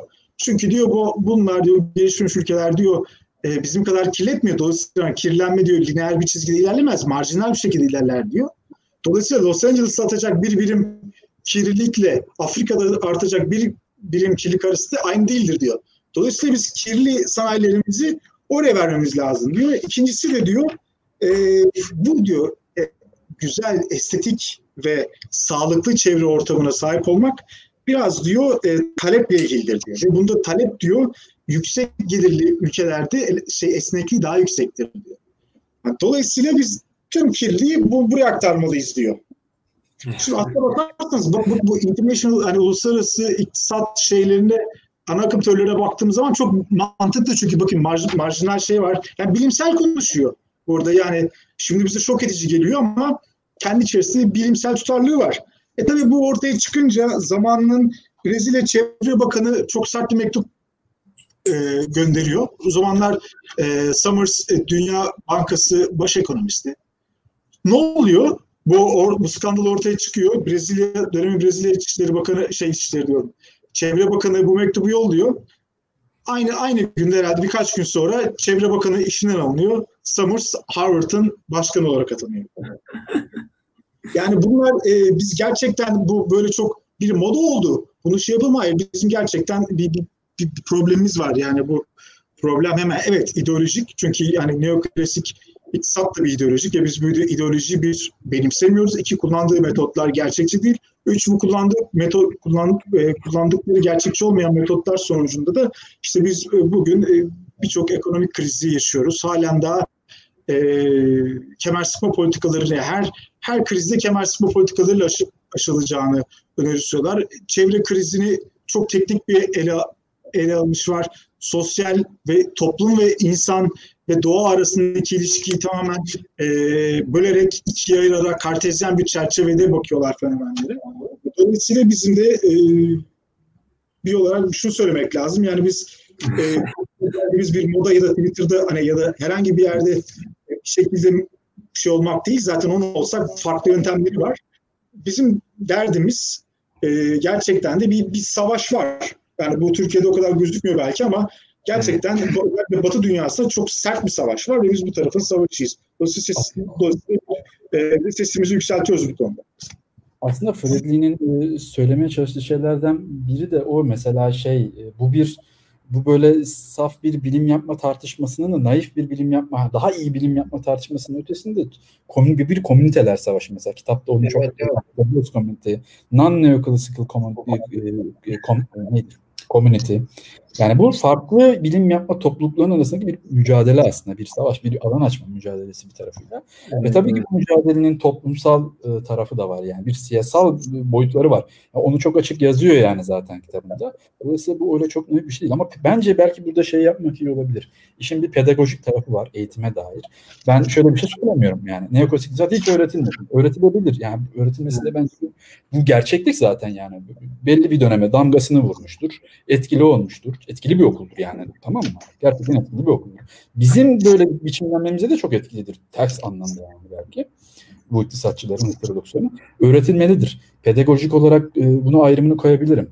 Ama tek doğru bilim yapma biçimi değildir tabii ki. Hatta onunla da bu saha içerisinde hani e, belki heterodoks topluluklar arasında. Bu arada heterodokslar arasında da biz bayağı birbirimize gireriz yani. Ya tabii canım yani heterodoks dediğin kavgası yani görse zaten dedim yani biz bunlara bulaşmayızlar muhtemelen.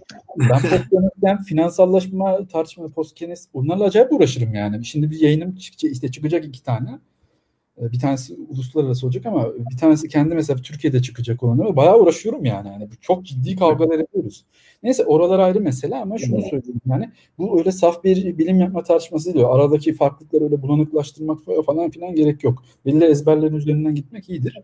Dolayısıyla buradaki bilim yapma biçimine dair en son şeyden okuyayım olmadı da. Şimdi hani böyle çok sert geliyor bazı ifadeler de aslında ben bunu Alper'le paylaşmıştım daha önce. Şimdi şöyle bir şey söylüyor. O sonra ona geleceğim. Mesela şöyle bir soru soruyorlar hemen şey burada. Neoklasikal iktisat bilimsel midir? Bir bilim midir sorusu. Vereceği cevabı şimdi bahsedeceğim o vereceği cevaptan. Mesela diyor ki hemen şey bu matematiksel modellerin zayıflığını, şey, zarifliğini kastederek. Çok zarif. Aslında çok artistik bir şey bu bir taraftan da. Yani sanatsal, artistik yani sanatsal. Matematiksel modellerin zayıflığını kastederek şunu diyor. Hiçbir şekilde güzel değiller diyor bu modeller için. Çünkü güzellik, yani nefaset eski Türkçe terimiyle sadece içsel tutarlılıktan gelmez. Fakat basitlikten, basitliğinden ve dünyayı açıklama gücünden gelir güzelliği bir modelin diyor. İdeoloji, ideolojinin icra etmek için doğru şey olduğunu düşündüğünüz takdirde yani kendi ideolojinizi onların modelleri güzeldir. Şunu diyor, şunu demek istiyorum diyor. Birçok din inanç da bu anlamda güzeldirler diyor. Fakat eğer biyologsanız yaratıcılık güzel değildir. Çirkindir. Benim için de ortodoks iktisat bu anlamda çirkindir diyor. Yani agni terimini kullanmış. Ondan böyle çevirdim. Belki daha iyi çevirim olur. Ki kendi tutarlılık iddiası gerçek bir objeye referans vermekten ziyade diyor. Kendi doğruluk iddiası. Alper'in bahsettiği gibi. Kendilerine ait içeriden bir iddiadır bu diyor. Yani eleganlık. Yani bir objeye referans vermez çok diyor. Gerçek bir objeye değer değmez. Objenin kusurlu olduğunu bağırmak zorunda kalır diyor. Neden? Piyasalar atlıyor der mesela sıklıkla. Halbuki kapitalist ekonomiler heterodoks iktisatçılara göre hem denge diye bir şey yoktur. Denge var. Stock flow inconsistency ona hiç giremedik gerçi ama e, sürekli ee, kriz üretir falan. Yani neyse burası bu. Ben şimdi bir şeyden daha bahsedeceğim bu arada. Tamam. Bana da müsaade et. Dolayısıyla gerçek bir objeye değer demez hata objededir diyor. Sonra da diyor ki soruyorlar. Bu arada heterodoks iktisatçılarla yapılan bir şey var. Bir söyleşiler kitabı var. Onu da umarım paylaşırız aşağıda. Diyor ki sizce ana akım iktisat bir bilim midir? Şimdi cevaba bakın. Hiç sanmıyorum. Bak bir bilim midir? Hiç sanmıyorum diyor. I don't think so. Çünkü eğer bilim gerçek bir objeye açıklama çabası ise ana akım iktisat ağır bir şekilde kendi nesnesini yücelten bir ideolojiyle lekelenmiştir. Contaminated. Bu sol tandanslı teorilerin bunu kendi meşreplerince yapmadığını iddia etmek anlamına gelmez diyor yani bu arada. Sonra diyor ki fakat şunu söylemeliyiz ki eğer kendi kavrayışımızda ortaya çıkan bir şeyi gördüğümüzde ve bundan herhangi bir sebeple hoşlanmadığımızda bunu reddedemeyiz. Yani bizim teorimizde bir hata, bir şey, gerçekli gözlemde bir sıkıntı varsa bunu hemen reddedemeyiz biz heterodokslar olarak. Bunu diyor ki e, akıl yürütmemizde neyin yanlış olduğunu anlamamız gerekir. Ama genelde ana akım iktisat ve türevleri bunu yapmıyor farkındaysanız. Evet. Ya ya mesela sıklıkla kötü yönetimden, işte insanların aşırı borçlanmaya eğiliminden mesela Robert Schiller finansallaşma meselesinde kusuru e, çözümü daha fazla finansallaşmakta, bireylerin aslında finansal piyasaya daha rahat girmesinde falan çözüm olur. Oralar tabii ayrı mesela buna baktığımız Yani en, en konuda aslında pedagoji eğitim diyorsun mesela e, nedir? Şimdi politik olarak yani modelin kendi içerisinde bir, bir şey bulamayınca ne diyorlar? Hani eğitim konusu, eğitimi çözmemiz lazım.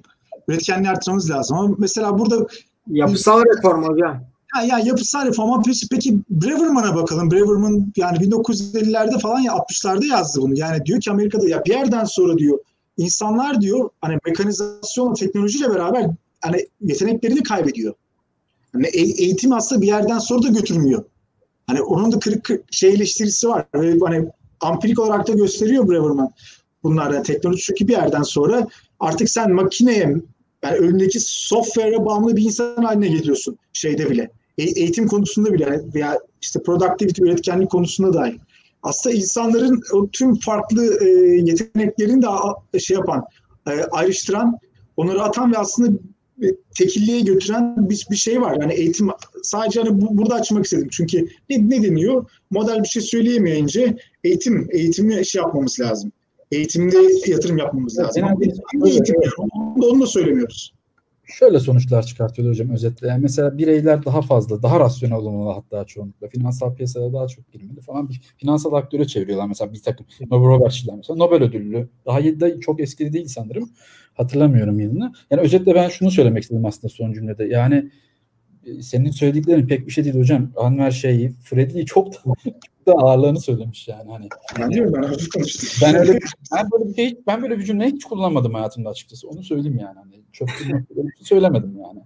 Ee, gene de imtina ediyorum. Yani bu arada katkı verecekler olursa bu tartışmaya bundan sonra seve seve de dinlerim şey yaparım. Herhangi bir ön yargıyla da yaklaşmam.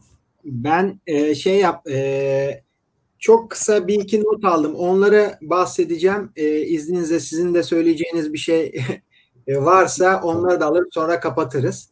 Kapatalım. E, şu öncelikle bu lisans kitapları ile ilgili yani aslında paradigmanın e, e, konuşmanın başında verdiğim e, tartışmanın başında verdiğim yorumun da aslında neyin çalışılabilir olacağını belirleyen bir şey olduğu için yani o ideoloji aslında neoklasik ideoloji o lisans kitaplarında yani ne kadar o bilimsel olarak bilimsel olduğu, objektif olduğu söylenen o bilimsel kitaplar kitaplarda neoklasik iktisat kitaplarında, ders kitaplarında bu zaten işleniyor. Yani neyin çalışılabilir olduğu e, öğrenci işleniyor. Mesela benim e, benim akranlarımın çoğu çoğu şu konuyu çalıştı mesela Merkez Bankası'nın bağımsızlığının ekonomik büyümeye etkisi.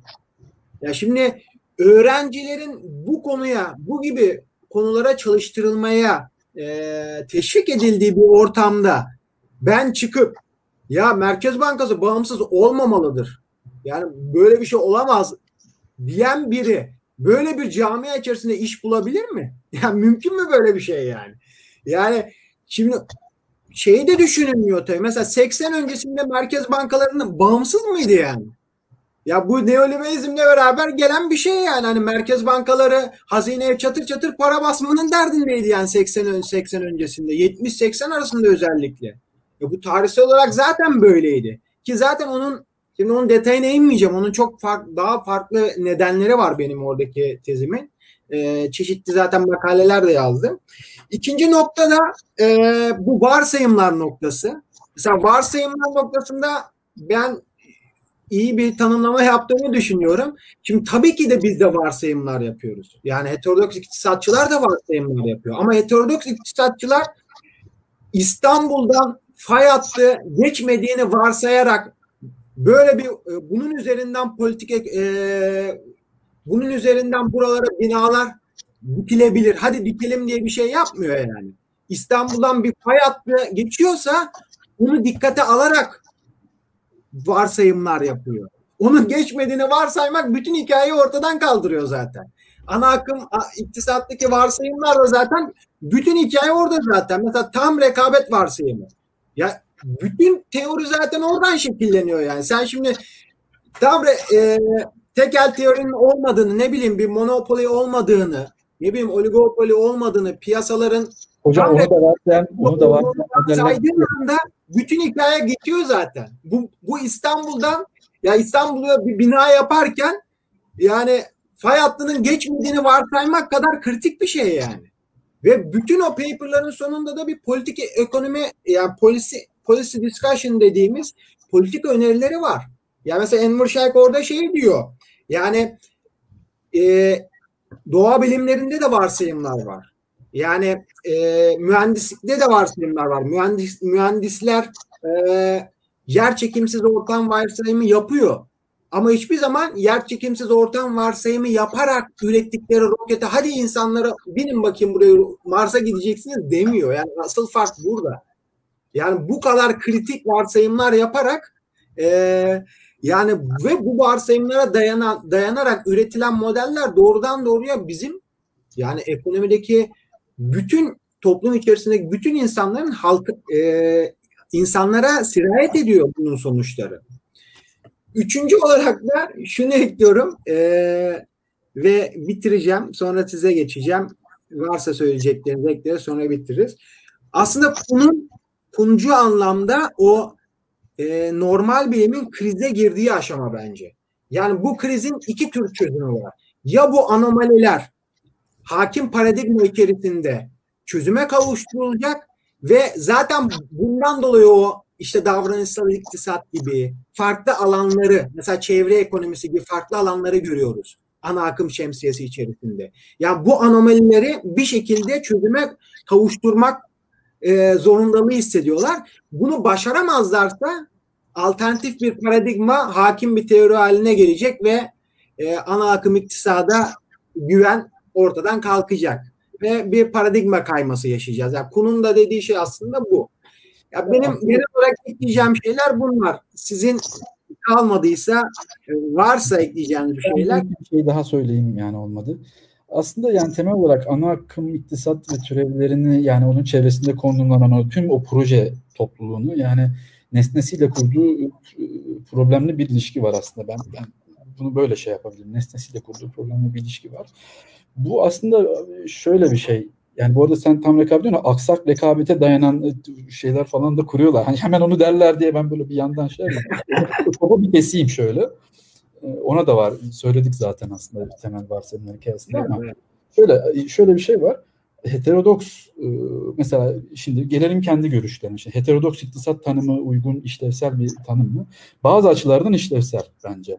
Ama bu da mesela aslında e, tartışmalı. Heterodoks iktisatçılar bile kendine heterodoks iktisatçı demek istemiyor birçoğunluğu. Onu da söyleyeyim. Evet, yani, yani mesela, radikal politik iktisat mesela bana daha yakın geliyor. Çünkü heterodoks çok geniş bir alan. Benimki daha da farklı. Mesela e, Frank Stilwell geçen şeyde bir yazı yazdı geçen sene. Bu hem bu bahsettiğim makalede hem de bu bir tane e, gene bir böyle bülten falan çıkartıyor ya heterodoks iktisatçıların düzenli çıkarttıkları bültenlerden birinde şimdi hatırlayamıyorum. Orada şey yazdı mesela heterodoks iktisat mı politik iktisat tabirini kullanalım? Mesela politik iktisat kullanalım çünkü heterodoks dediğimiz anda diyor buna. Biz kendimizi ana akım iktisadın e, yanında alternatif ve azınlık gibi konumlandırmış ve pozisyonu kabul etmiş oluyoruz diyor mesela. O yüzden biz başka türlü bir bilme biçimine kapı açacağımız için politik iktisat diyelim diyor. Benim kendi şahsi görüşüm, bak gene birbirimize düşeriz mesela abi. Benim şahsi görüşüm de mesela politik iktisat da değil. Çünkü Marx'a falan gittiğimiz zaman aslında o klasik politik iktisat geleneğinin de eleştirisidir. O onun da ötesine geçmiştir. Ben böyle bir daha bir sosyal bilim perspektifiyle mümkünse bunları başka türlü bir bilme biçimiyle, gerçeği iktisat, işte sosyoloji, Böyle hani bu harita böyle harita şuraya gittiğimde işte iktisada gidiyorum. Acık yana kayayım sosyoloji. Geri çekilelim şöyle bir psikoloji falan gibi bir şey değil. Gerçekliğin bir bütün olduğunu ve buna dair bir bilme biçimi inşa etmemiz gerekiyor falan. Benim şahsi görüşüm. Heterodoks hatta yer yer politik ekonomide bana biraz şey geliyor yani. Bunu da söyleyerek herhalde e, kapatabilirim kendi açımdan. Teşekkür ederim yani. Bu, bu program için bu arada. Var mı Alper ekleyeceğim bir şey? Ben de ekleyeceğim bir şey yok. Tansel e, güzel kapat. Ben de aynı fikirdeyim Tansel'le bu konuda. Ee, çok teşekkür ediyoruz. Ee, saat 11.30 oldu. Tüm o teknik aksaklıklara rağmen hala 27 kişi canlı olarak bizi izliyor. Bakın yani şimdi... bu da şey gösteriyor. Yani bu programın bir ikincisi olmalı gibi ben bir izlenim aldım. Teşekkür ederiz. Bu arada İlhan İlhan dövüşü bir ça yani çağırmanı da bekliyorum. İzlerim yani merak ediyorum. Bazen kavga ediyoruz onunla ama yani Postkenes'in iktisadı iyi biliyor. Biraz o taraftan konuşuyoruz. Evet. Ee, tekrardan herkese teşekkür ediyoruz. Haftaya e, cumartesi günü e, University of Massachusetts'ten yani Amerika'dan Ertuğrul Ahmet Tonak Hoca ile yapacağız ikinci webinarı. O da yüksek teknoloji ve yüksek teknoloji endüstrileri ve kapitalizmin geleceğine dair bir yani bir güzel bir tartışma yapacağız kendisiyle. Ee, orada ben tek olacağım. Ee, bakalım yani orada da güzel bir faydalı, verimli bir şey olacağını düşünüyorum. Yani tekrardan izlediğiniz için çok teşekkür ediyorum. Bu saate kadar bizi sabrettiniz. Bayağı da uzun bir tartışma oldu. Umarım faydalı olmuştur. De, herkese iyi akşamlar. Görüşmek üzere. İyi akşamlar. Teşekkürler.